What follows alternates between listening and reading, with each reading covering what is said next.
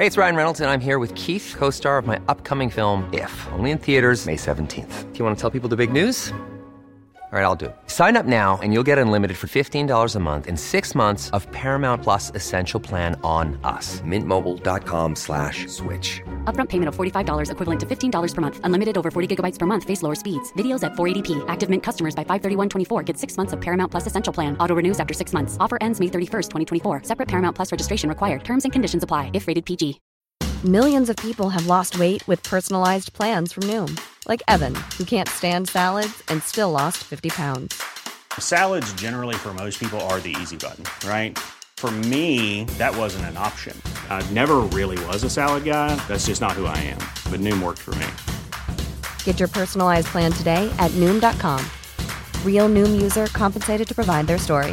In four weeks, the typical Noom user can expect to lose one to two pounds per week. Individual results may vary. Hiring for your small business? If you're not looking for professionals on LinkedIn, you're looking in the wrong place. That's like looking for your car keys in a fish tank. LinkedIn helps you hire professionals you can't find anywhere else, even those who aren't actively searching for a new job but might be open to the perfect role. In a given month, over 70% of LinkedIn users don't even visit other leading job sites. So start looking in the right place. With LinkedIn, you can hire professionals like a professional. Post your free job on linkedin.com slash achieve today. Hej alla ni som lyssnar på dagens Juridikpodden. William Eriksson heter jag och är producent och eh, medverkande i den här podden. I veckans avsnitt så pratar vi bland annat om sprängningar och eh, lite grann också om den uppmärksammade explosionen i Norrköping. Bara några timmar efter att avsnittet hade spelats in kom dock information från Åklagarmyndigheten om att den här explosionen inte längre bedöms vara avsiktlig. Ingen person är längre misstänkt för inblandning i explosionen och den bedöms nu bero på olyckliga omständigheter. Det kan vara bra att veta bara om man lyssnar på den här podden och inte kände till det. Nu hoppas jag att ni får en trevlig stund med mig och Stefan Wahlberg i veckans avsnitt.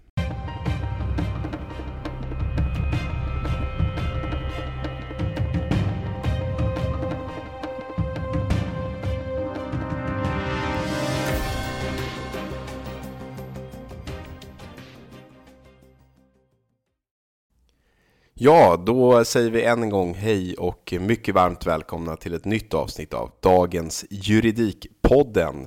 En lite mindre förkyld William Eriksson från eh, Italien även denna vecka, men som sagt friskare, lite bättre röst, lite färre harklingar och eh, lite mindre semester kvar. Det är bara några dagar kvar här nu, sen är det dags att flyga hem.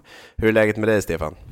Ja, det är bra. Jag håller mig här i kungliga huvudstaden med allt vad det innebär av att hösten är i antågande. Vi har 12 grader när det här spelas in på morgonkvisten men eh, krispigt blå himmel med, med, med en annalkande eh, fin dag skulle jag hoppas på.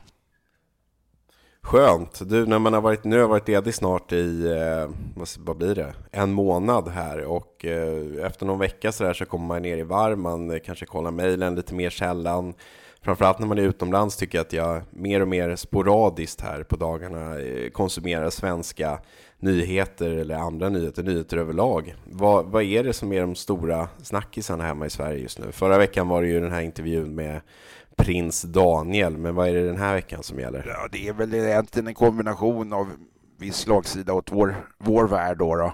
Eh, dels är det Ian, de här Ian Lundin och, och eh, Eh, Alexander Schneider-åtalet, det vill säga Lundinmålet, som vi kanske kan prata mer om senare. Men sen är det ju också eh, ett annat eh, rättsfall, eller egentligen är det fyra andra rättsfall, nämligen åtalen mot förutvarande presidenten i USA, Donald Trump, som, som dominerar mycket av diskussionerna och analyserna och det som just nu pågår i inte minst Georgia där Trump ju har, har ställts inför rätta Eh, på, på delstatsnivå och inte alls på federal nivå. Och, och eh, där då åklagaren vill hålla huvudförhandling redan, ja det är inte den här månaden, men nästa månad. Och där, där, där travar det liksom på. Och eh, den ena sensationella uppgiften efter den andra får man ju säga staplas på varandra. Sen var i slutändan som kan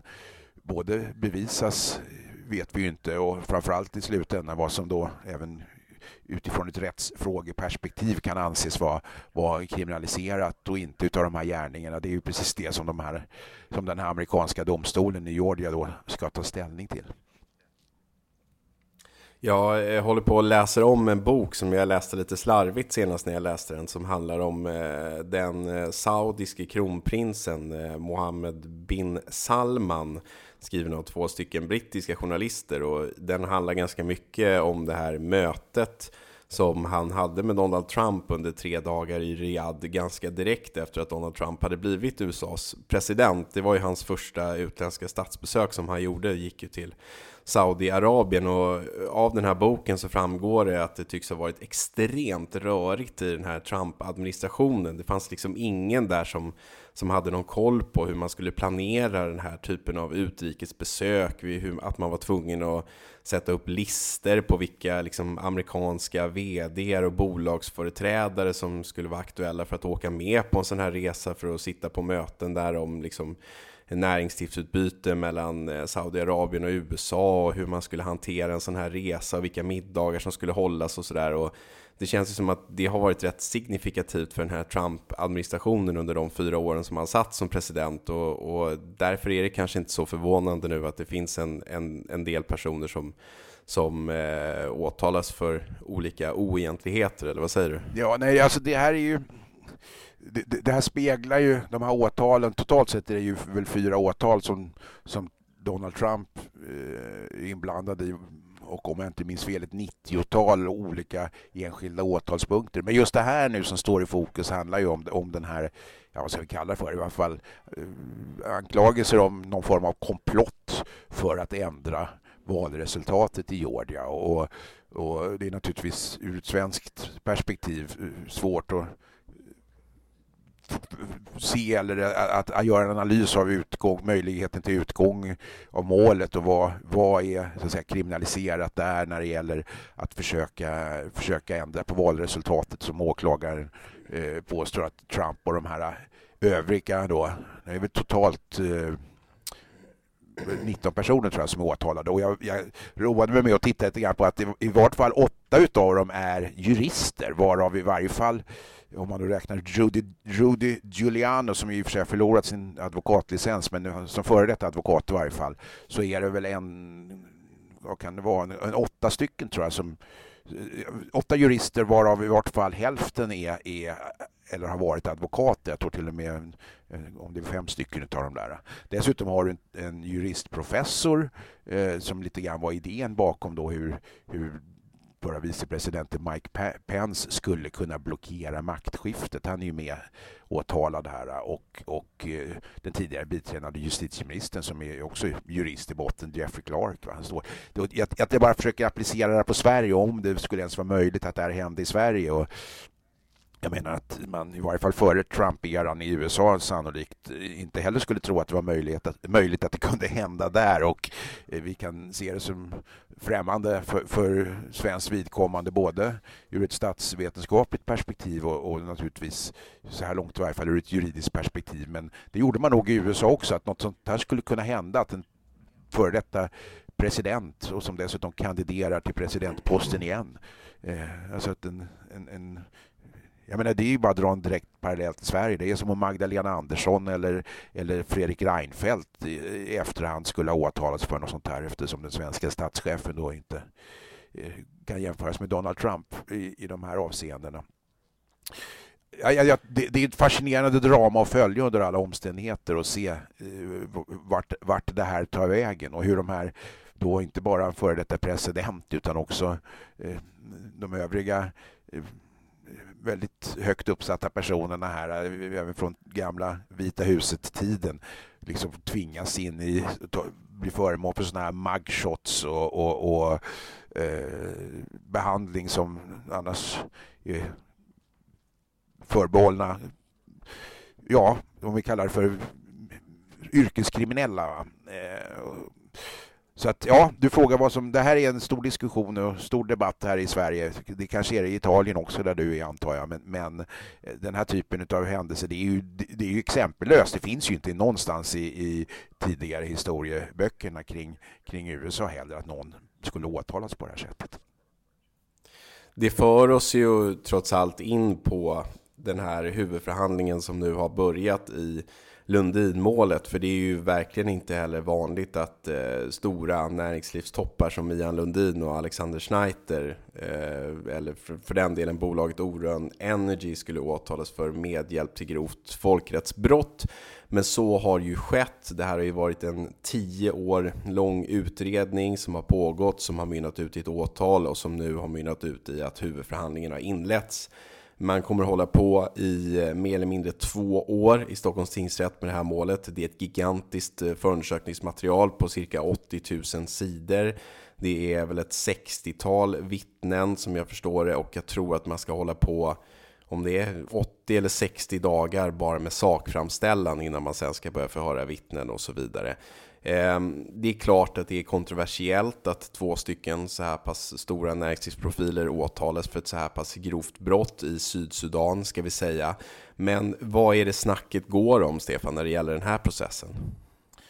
Jag tror ärligt talat att, att eh, vanliga hyggliga medborgare som följer med i den gigantiska massmediala rapportering som har varit nu varken vet ut eller in eh, faktiskt. Och om man går till vår bransch och personer som ingår i den svenska rättsväsendet och, och juristbranschen som man pratar med så är det också, jag ska inte säga tudelat för att det vore, det vore fel. Jag skulle snarare säga just nu att det är ett antal frågetecken kring det här. Eh, därför att så mycket starka röster har talat för att det här åtalet är, fullständigt befängt eh, medan andra då på, på åklagarsidan då uppenbarligen anser att, den är, att det finns eh, åtals både åtalsplikt och, och eh, dessutom tillräckliga skäl för fällande dom.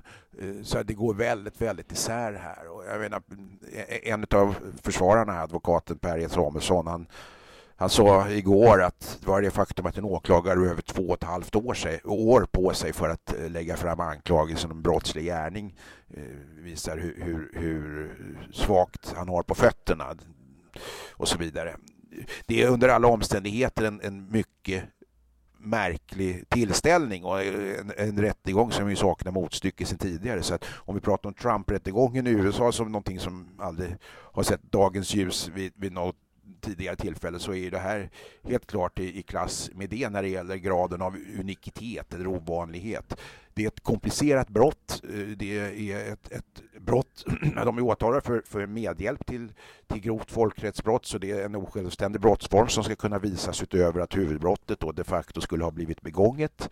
Eh, det finns dessutom ur ett juridiskt perspektiv intressanta frågor som, som har lyfts, nämligen huruvida ett likgiltighetsuppsåt eh, ens kan göras gällande på de här brottsrubriceringarna eftersom det då inte förekommer inom ramen för den internationella rätten i, i till exempel ICC, alltså internationella brottmålsdomstolen, för där ställer man krav på ja, det som tidigare i Sverige hette minst indirekt uppsåt eh, eller direkt uppsåt. Idag heter det väl avsikts och insiktsuppsåt om jag inte är felunderrättad. På, på min tid höll jag på att säga så hette det direkt och indirekt uppsåt. Och här, här kan det vara fråga om likgiltighetsuppsåt och den graden finns inte enligt vad jag har förstått i de här brottssammanhangen om man åtalas vid till exempel ICC och då är det även det en fråga vilken grad av uppsåt ska man ha uppnått för att eh, kunna dömas till ansvar för det här brottet. Jag tror att det kommer bli en en, en, en, en eh, ganska vild, alltså eh, eh, inte i en bokstavlig mening vild, men i mer bildlig mening vild eh, huvudförhandling i vissa delar där frågor av det här slaget kommer diskuteras. Och naturligtvis även bevisfrågor och kausala sambandsfrågor om det, det är ju ostridigt att det har hänt hemskheter i, i Sydsudan vid den här tidpunkten. Eh, men eh, kan man hitta ett samband mellan det som hände och de nu åtalade personerna, inte bara på bolagsnivå utan på alltså personlig nivå så att de kan hållas ansvariga för det här. Eh, vi kan, kan, väl säga det också för sakens skull att eh, som jag förstår det så hävdar ju åklagaren att den sy, eh, sudanesiska militären tillsammans med eh, regimallierad milisgrupp inledde operationer i ett område kort efter att Lundin Oil då under 1999 påträffat olja i området. Och enligt åklagaren som gjordes det här för att ta kontroll över liksom, området i fråga och skapa förutsättningar för Lundin Oils eh, prospektering av de här oljefyndigheterna, vilket ledde till stridigheter som med kortare uppehåll pågick till dess att Lundin Oil lämnade området under 2003. Det kan ändå tycka att det är någonstans eh, viktigt att visa på vad det är de här personerna påstås ha gjort, för jag menar, de, de påstås ju inte ha de facto själva stått med någon kulspruta i handen eller så att säga, förstår du hur jag menar? Ja absolut, alltså det är ju till och med så att, att försvaret hävdar att det de har gjort i, i Sudan, det som numera är då i Sydsudan, har till och med hjälpt eh, eh landet och befolkningen genom att då råvaror och olja har kunnat utvinnas på marken vilket har haft ekonomisk och, och, och social inverkan. Så deras bild av sina insatser i landet är, är ju den motsatta. Eh, man kan till och med säga den diametrala eh, uppfattningen till vad, vad de anklagas för att ha gjort det. Om man nu anser att, att eh, folk, folk, grovt folkrättsbrott är ett av de värsta brotten man kan begå va, i, i, i, de här, i, i något sammanhang.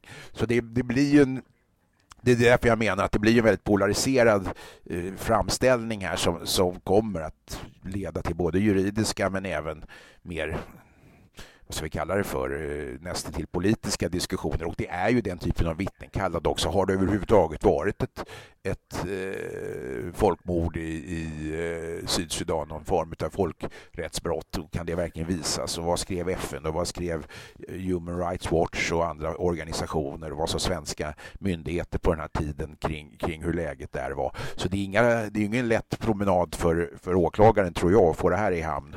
Eh, det är mycket vatten som ska rinna under broarna innan den här domen faller. Men om man bortser från, från de, de frågorna så är det också intressant att en rättegång faktiskt kan vara utsatt och pågå med, med då, över två års huvudförhandling. Inte minst utifrån det perspektivet att det är också som någon av försvararna sa att de här tilltalade ska då sitta i någon form av tingsrättsfängelse här i två och ett halvt år. Det vill säga oavsett om de frias eller fälls så måste de ju närvara vid, vid rättegången där de ställs till ansvar för, för så här grova brott. Så det får ju väldiga konsekvenser. Det här är ingen två eller tre dagars förhandling eller ens en två veckors förhandling som är normalt stora mål. Det här är två års förhandlingar vi pratar om och det, det är unikt alltså.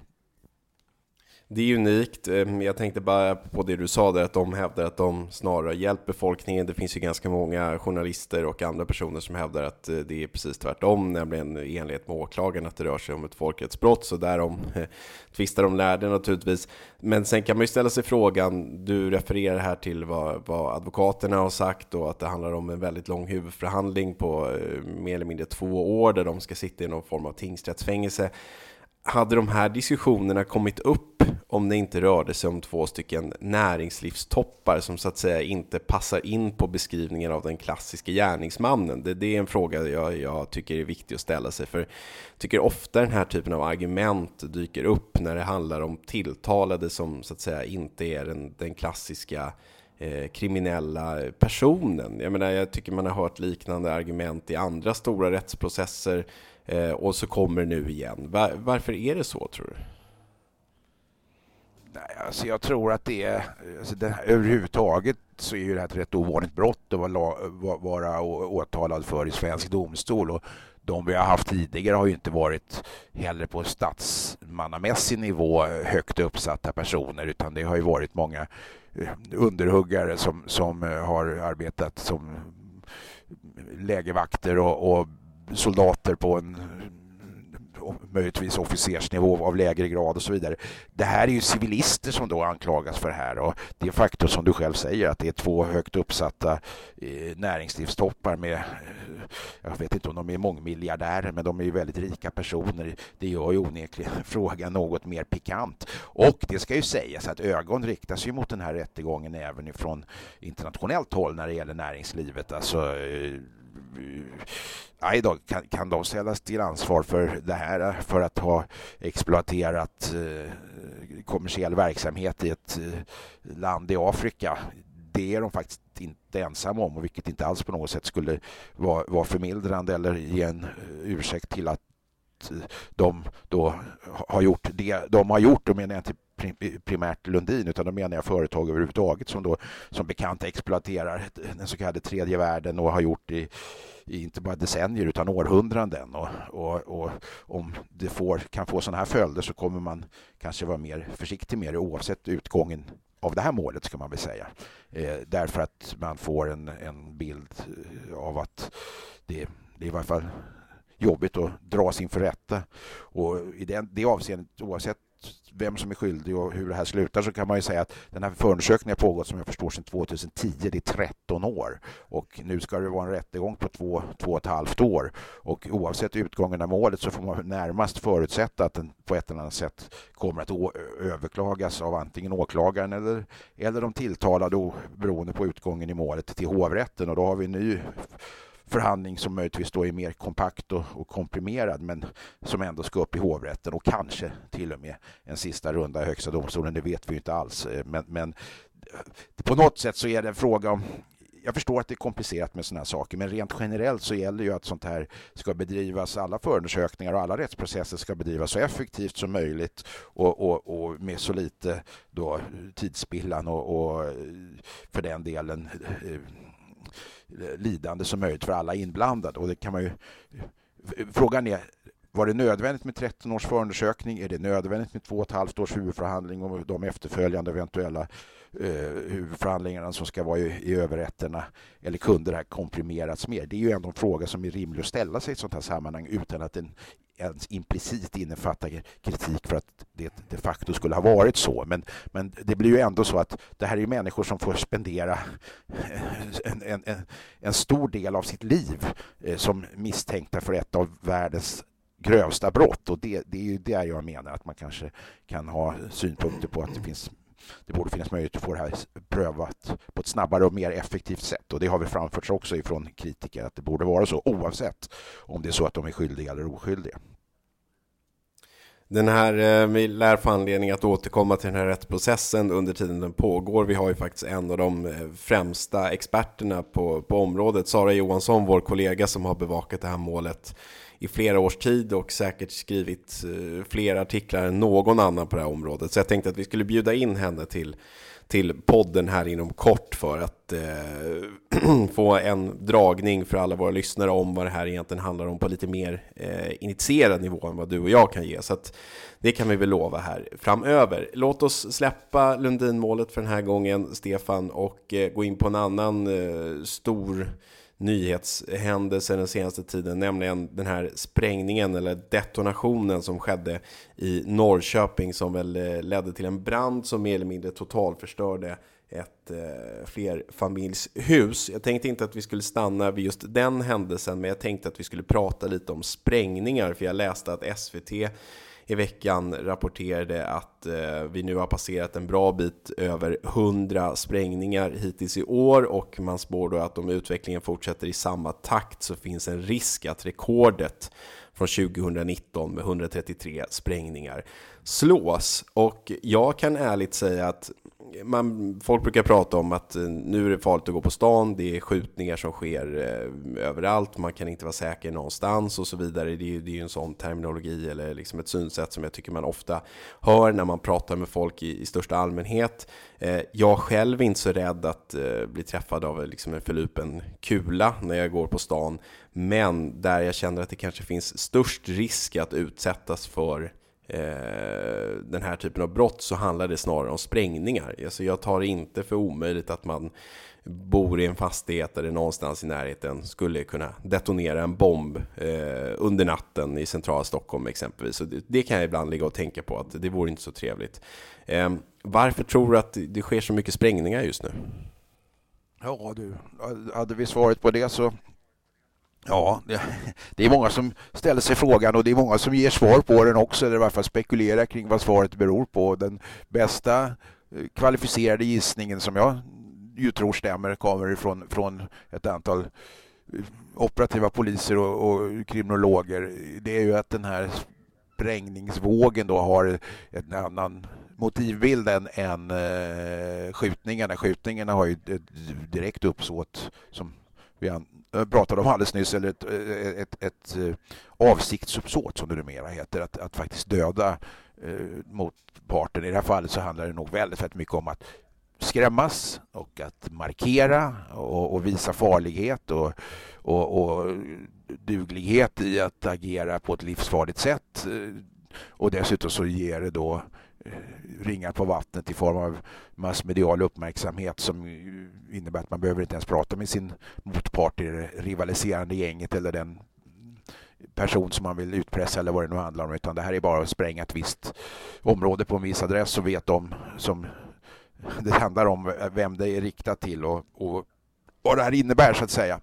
Eh, jag, jag, tror att det är den bästa förklaringen som man, man kan säga, men det är precis som du sa, vi hade vad var det, 109 sprängningar tror jag. Det här var den 100, ja, om det var den 110 eller 112 i år av, av, av allvarliga karaktär. Eh, det, eh, och 2019 hade vi alltså, vad sa du, 133 stycken.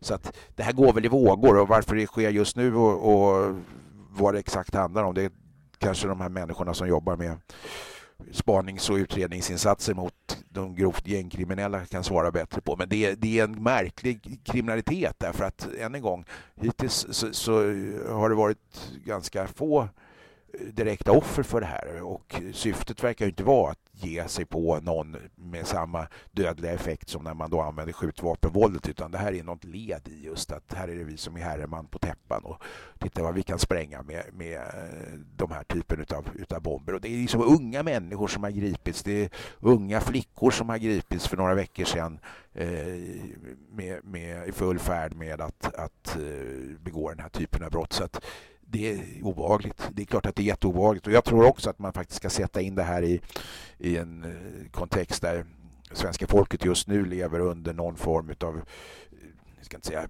psykologisk hotbild, det kanske att ta i, men det finns ju en, en tripp-trapp-trull-effekt här. Ett, så har vi liksom det yttre hotet mot Sverige eh, som just nu diskuteras med anledning av diktatorn i öst, det vill säga Vladimir Putin. Och, och vi försöker freda oss bäst vi kan genom att ansöka om NATO-medlemskap, vilket skulle varit fullständigt uteslutet för Eh, två år sedan i Sverige att vi ens skulle prata i de här termerna. Vi har nästa steg i, i hotbilden mot svenska folket just nu, en förhöjd terrorhotsnivå som då inte är ett hot som kommer från en annan nation men likväl utifrån stora terroristgrupper som al-Qaida och så vidare vi, vi, vi, måste förhålla oss till. Och dessutom har vi en inhemsk eh, eh, kriminalitet som är så allvarlig så att det sprängs på, i flerfamiljsbostadshus och det skjuts på öppen plats och så vidare. Så att den här, jag jag tror att hela den här kontexten av att vi befinner oss i en ganska farlig, farlig situation just nu eh, är, är, som påverkar diskussionerna även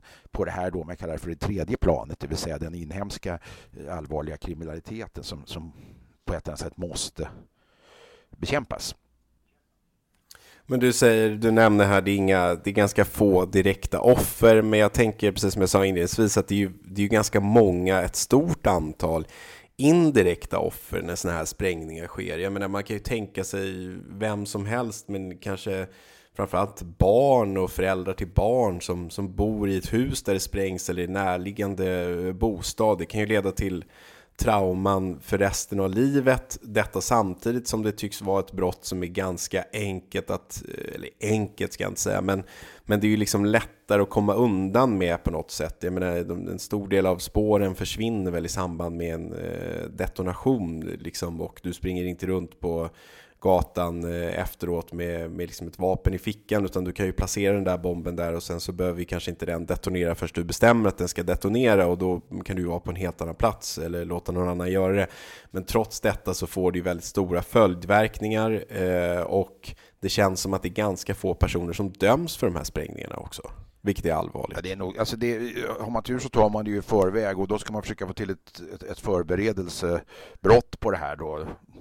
Och jag menar, det är ju de brottsrubriceringar som används även i det här fallet nu mot de tre personer som sitter frihetsberövade. Allmän, grov allmänfarlig ödeläggelse. Och det har ju för sig, jag menar, så alltså, det är ett allvarligt. Grov allmänfarlig ödeläggelse har ju det är ju livstid som maxstraff och tror jag sex år som, som minimistraff på det. Men har det inte kommit så långt så är det svårt som vanligt att försöka påvisa både förberedelse och kanske då till och med försöksbrott eh, som avbryts Eh, vid en tidpunkt innan det är fullbordat. Och därutöver ska man ju ha klart för sig att det här andra då, brottet eh, olovlig befattning med explosiva varor eller vad det heter.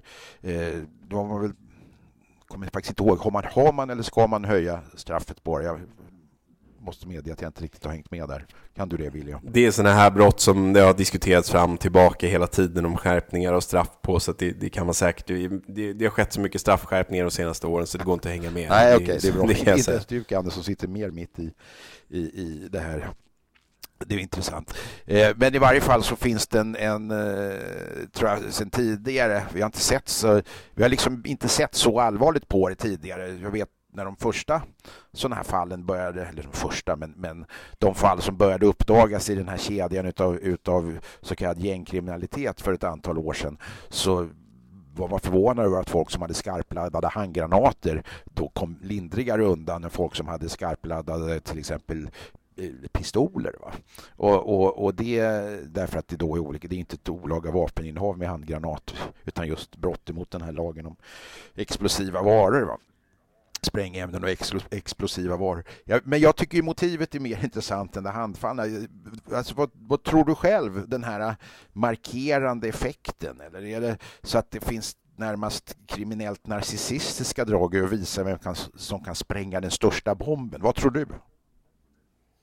Jag, jag, tror att det kan finnas eh, både och, även om jag är rätt övertygad om, nu låter jag som Leif GW Persson här, men att det handlar om att markera, om att hota rivaliserande personer och att det går att göra på ett sätt, precis som du själv sa, att alla förstår vem den här detonationen eller sprängningen är riktad mot och så, så kan man se det som en markering att okej, okay, Eh, nu har jag varit inne på ett rivaliserande område och sålt droger eller vad det nu må vara och eh, de känner till det och nu får jag kanske passa mig. Alltså det, det är ju det som är lite problemet här tycker jag, att det är så pass lätt att genomföra och folk tycks ju inte backa eh, för att göra den här typen av saker, spränga bostäder och annat.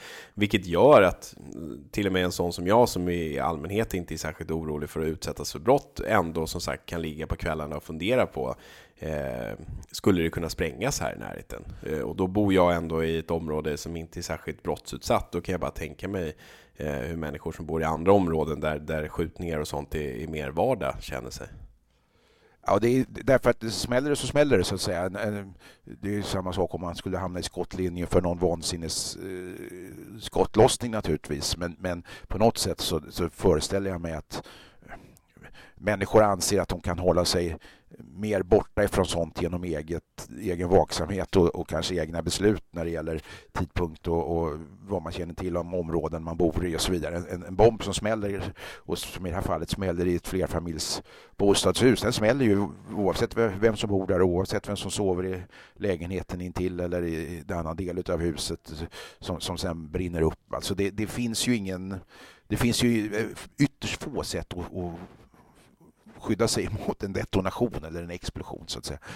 Eh, men jag tycker än en gång motivbilden bakom de här två typerna av väldigt grov brottslighet skiljer sig så åt fast i samma kategori människor som, som utför dem. Att, att ehm, det, det i sig är intressant att diskutera just de här olika motivbilderna i en fullständigt hänsynslös värld där man onekligen har ihjäl varandra för ingenting och på en väldigt låg nivå i ålder. Och jag som har säga, hela mitt liv, eller halva mitt liv, sagt att den här diskussionen om att brotten går längre ner i åldrarna tror jag till stora delar är en myt. För det har jag hört i, i 35 år i den här branschen. Men i, i det här sammanhanget så stämmer det ju verkligen. För, för vi har en oerhört grov brottslighet som begås av oerhört unga människor.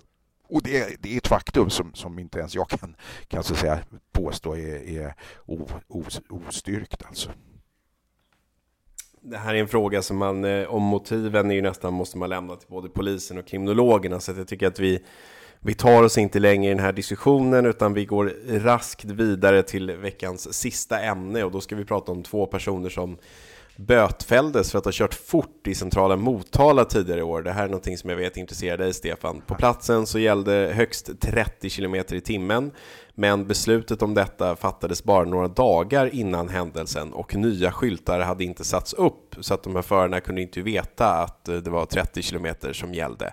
Nu har en polisman som utfärdade böterna åtalats för tjänstefel för att han i en rapport som jag förstår det intygade att han själv hade liksom gått eller kört på den här sträckan och sett att de här 30-skyltarna satt där, men så var inte fallet. Nej, han, han står nu åtalad då för, för eh, åklagaren valde mellan osant intygande av vilket åklagaren av skäl som jag inte känner till inte valde utan man valde sig ett tjänstefel som är i någon mening en ja, slaskparagraf. Den är, är, är subsidiär till andra brotten. Så att om, om inte åklagaren tror han kan gå i hamn med det osanna intygandet, vilket jag inte... Jag ska inte säga att jag eh, tycker att det borde vara ett åtal för det, för jag kan inte ärendet så pass bra, men det var i alla fall ett, ett, ett alternativ. Det vill säga polismannen har sagt att skyltarna är kontrollerade efter det att den här personen har då stoppats för att skulle ha kört, kört för fort och utifrån bildmaterial som är åberopat så fanns det överhuvudtaget inga skyltar, det vill säga polismannen har sagt att 30-skyltarna är kontrollerade trots att de ännu inte var uppsatta. Och det här... Eh, du säger att det är sånt som intresserar mig. Ja, det är det. Därför att eh, jag brukar ju prata om vikten av att då så kallad all, vanlig brottslighet, alltså vardagsbrottslighet och, och eh, i det här fallet den typen av brottslighet som säga, vi alla, naturligtvis inte du och jag, men alla andra eh, gör sig skyldiga till, nämligen eh, lite fortkörning då och då och, och, och lite sådana här trafikförseelser. Va? Och om inte det sköts på ett snyggt och prydligt sätt i, inom rättsapparaten, och det inkluderar inte minst polisen som är själva rättsapparaten i den mån ett eh, ordningsföreläggande utfärdas som man har gjort i det här fallet för då finns det varken en åklagare eller en domstol med i bilden. Va? Om inte det sköts så riskerar inledningsvis naturligtvis hela förtroendet att naggas i kanten men sen att raseras med människor som råkar ut för sånt här. Och jag, jag vet att jag, men jag har sagt det förr, jag säger gärna igen, eller jag känner mig eh, nöd, nödgad att säga det, att de allra flesta poliserna gör ett utomordentligt bra jobb i en mycket svår situation där ute. Men, och det finns ett stort men i det här naturligtvis, jag har varit med tillräckligt länge så jag vågar påstå att jag allt för många gånger har sett poliser som lite slentrianmässigt i sådana här sammanhang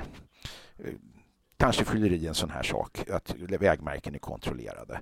Eh, man tar sig lite större befogenheter än, än vad lagen egentligen då medger och man presumerar snarare att människor är skyldiga än oskyldiga och, och vänder liksom på den, det resonemanget. Och det blir ganska farligt i de här diskussionerna när de sprider sig runt kaffebordet på jobbet och som i det här fallet i media och eh, ute i en podd och, och människor säger men det där känner jag igen och det där tycker jag själv har varit, varit utsatt för och så vidare. Därför att då naggar man de, de goda polisernas anseende i kanten.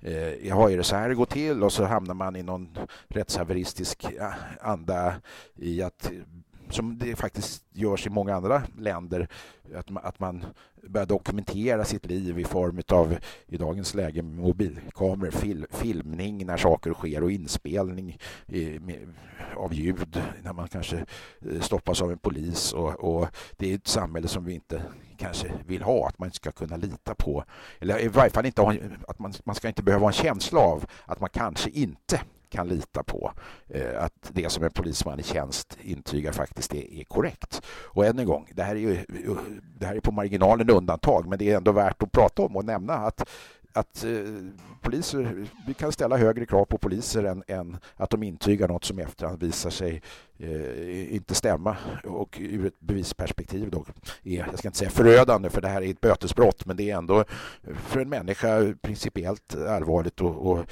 dömas för eller att då ta ett ordningsföreläggande, eh, ordningsbot eh, för, för ett brott som faktiskt inte är begånget. Och I det här fallet är det ju inte heller någon litet, eh, ska vi kalla det för, kryphål i lagen som gör att man kan komma undan en, en hastighets en hastighetsöverträdelse utan det är ju faktiskt så att det satt ingen skylt där så vitt framgår av det här åtalet och eh, satt ingen skylt där så är det ju inte ens ett, eh, det är inte bara så att det inte är ett brott utan det är ju inte en, heller i en moralisk mening en, en hastighetsöverträdelse. Det är det, jag, jag, det, det är det här jag reagerar på. Om, om, det är ju ganska vanlig invändning som, som folk använder sig av när de är åtalade för exempelvis trafikbrott eller, eller något liknande, att man säger att nej men det stämmer inte och Eh, polisen sa si och så till mig där på platsen och det han skrivit i sin rapport, det, de ljuger och de har inte alls eh, mätning på när jag kör för fort eller så vidare. Och om det här nu skulle leda till en fällande dom, låt säga att det prövas i, i kanske både tingsrätten och hovrätten om det, om det går så pass långt. Är det, är det ett mål man liksom skulle kunna åberopa till då när man hävdar att polisen i trafikmål har lämnat felaktiga uppgifter till exempel? Skulle det kunna få någon tyngd då? Att man säger, ja men här har vi ett bevis på att det finns en polis som har intygat en sak som inte stämmer.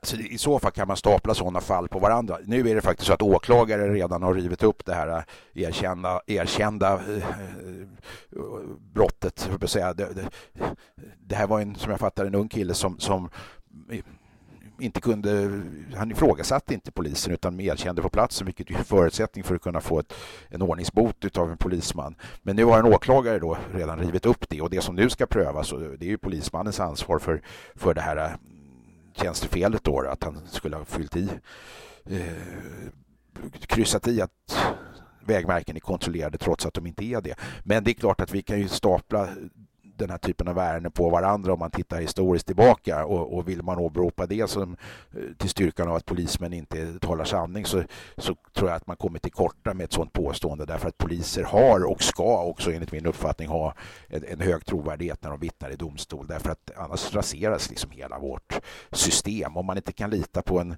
ensam, ensam agerande trafikpolis på motorcykel eh, om han säger att man gjorde eh, någonting som, som är en trafikförseelse, ja då, ja, men så då, då, funkar inte systemet. Och det är där jag inte heller vill hamna ska jag säga. Därför att om det här blir allt vanligare, vilket jag inte alls påstår att det blir, men låt säga att det blir, eh, det händer gång på gång och till slut så känner domstolarna att mm, det här vet vi inte med, med poliser längre, det har ju varit så mycket konstigheter tidigare. Och då då, då, tappar systemet eh, sin funktion så att säga med att tjänstemän i uniform ska vara tjänstemän i uniform och inte någonting annat och tjänstemän i uniform håller sig till sanningen. Va? Och det är här jag tycker att det är värt att uppmärksamma den här typen av utav, så att säga, vardagliga händelser även om det inte handlar om terrordåd och sprängningar och skjutningar och, och eh, grova folkrättsbrott som vi i övrigt har pratat om lagföring och åtal för i, det här, i den här podden så tycker jag att det faktiskt är värt att, att, att lyfta de här aspekterna av den, den, den lille mannen på gatan som, som konfronteras med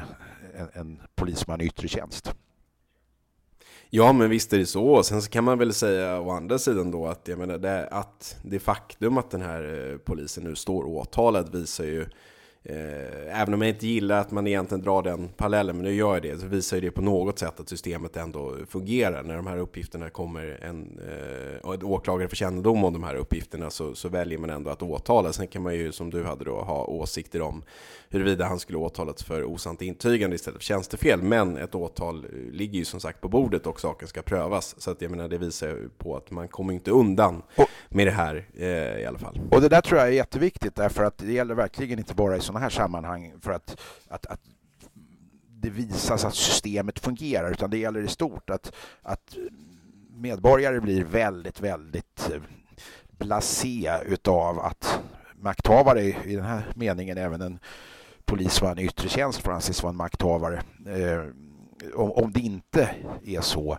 att de också kan kan bli lagförda för till exempel tjänstefel. Och det, här, det här visar ju mycket forskning kring just tilltron till systemet. Att man kan acceptera att fel begås, man kan till och med acceptera att, att eh, tjänstemän eh, inte av misstag gör fel utan kanske utav mer pinkiv gör fel. Men då ska de också själva bli lagförda för det. Och eh, då kommer vi till den vanliga grund, grundsatsen kring hela de här, eh, de här frågeställningarna, nämligen att människor som blir utsatta för brott och människor som blir utsatta för orättfärdiga handlingar och orättvisor eh, vill ha någon form av upprättelse. Och i det här systemet som du och jag verkar i och som vi alltid pratar om så handlar upprättelse om att människor ska i den mån det är möjligt lagföras för, för sånt som är, är kriminaliserat. Och det här tror jag är, det är liksom djupt rotat i den människoart som vi är. Att, att eh, ska jag följa lagen ska andra följa lagen och ska jag kunna åtalas eller få böter för det jag gör så ska även de som, som normalt är satta att övervaka lagefterlevnaden eh, kunna få, få eh, bli lagförda om de inte själva följer lagen. Jag tror att det är, det är liksom en princip som är rätt viktig. viktig. Det är den. Du, nu eh, tickar klockan upp mot eh, 45 minuter här och eh, tiden springer iväg. Vi hinner inte snacka så mycket mer eh, idag. Ja, du är jag, fyrkantig William. konst- 40, 45 minuter. Jag tänker att våra lyssnare vill fortsättningsvis höra vad vi har att säga. Vilket jag inte Ja, men tänk tror. också, tänk också på att det här är min semester som nu går åt åt Ja, ja. detta arbete. Ja, ja. En liten blinkning till min arbetsgivare här. Eh, men eh, vi kan konstatera att nästa vecka så kommer vi ses. Eh, då kommer vi slippa de här jobbiga tystnaderna emellan när man inte vet om den andra har pratat klart eller inte. Vi kommer kunna se varandra i ögonen, gestikulera och ja, vara nära varandra igen. Det känns bra tycker jag. Och du kommer vara sådär läskigt brunbränd efter fyra veckor på Rivieran och i Italien, inte sant? Så kan det vara. Med, en jämn bränna sätter man sina egna gränser som någon sa. Så att den, jag hoppas att den ska kunna eh, blidka åtminstone någon. Eh, vi säger väl stort tack till alla er som har lyssnat på ännu en eh, veckas avsnitt av Dagens Juridikpodden och så lovar vi att vi återkommer med ett nytt avsnitt nästa vecka. Vi hörs då. Hej!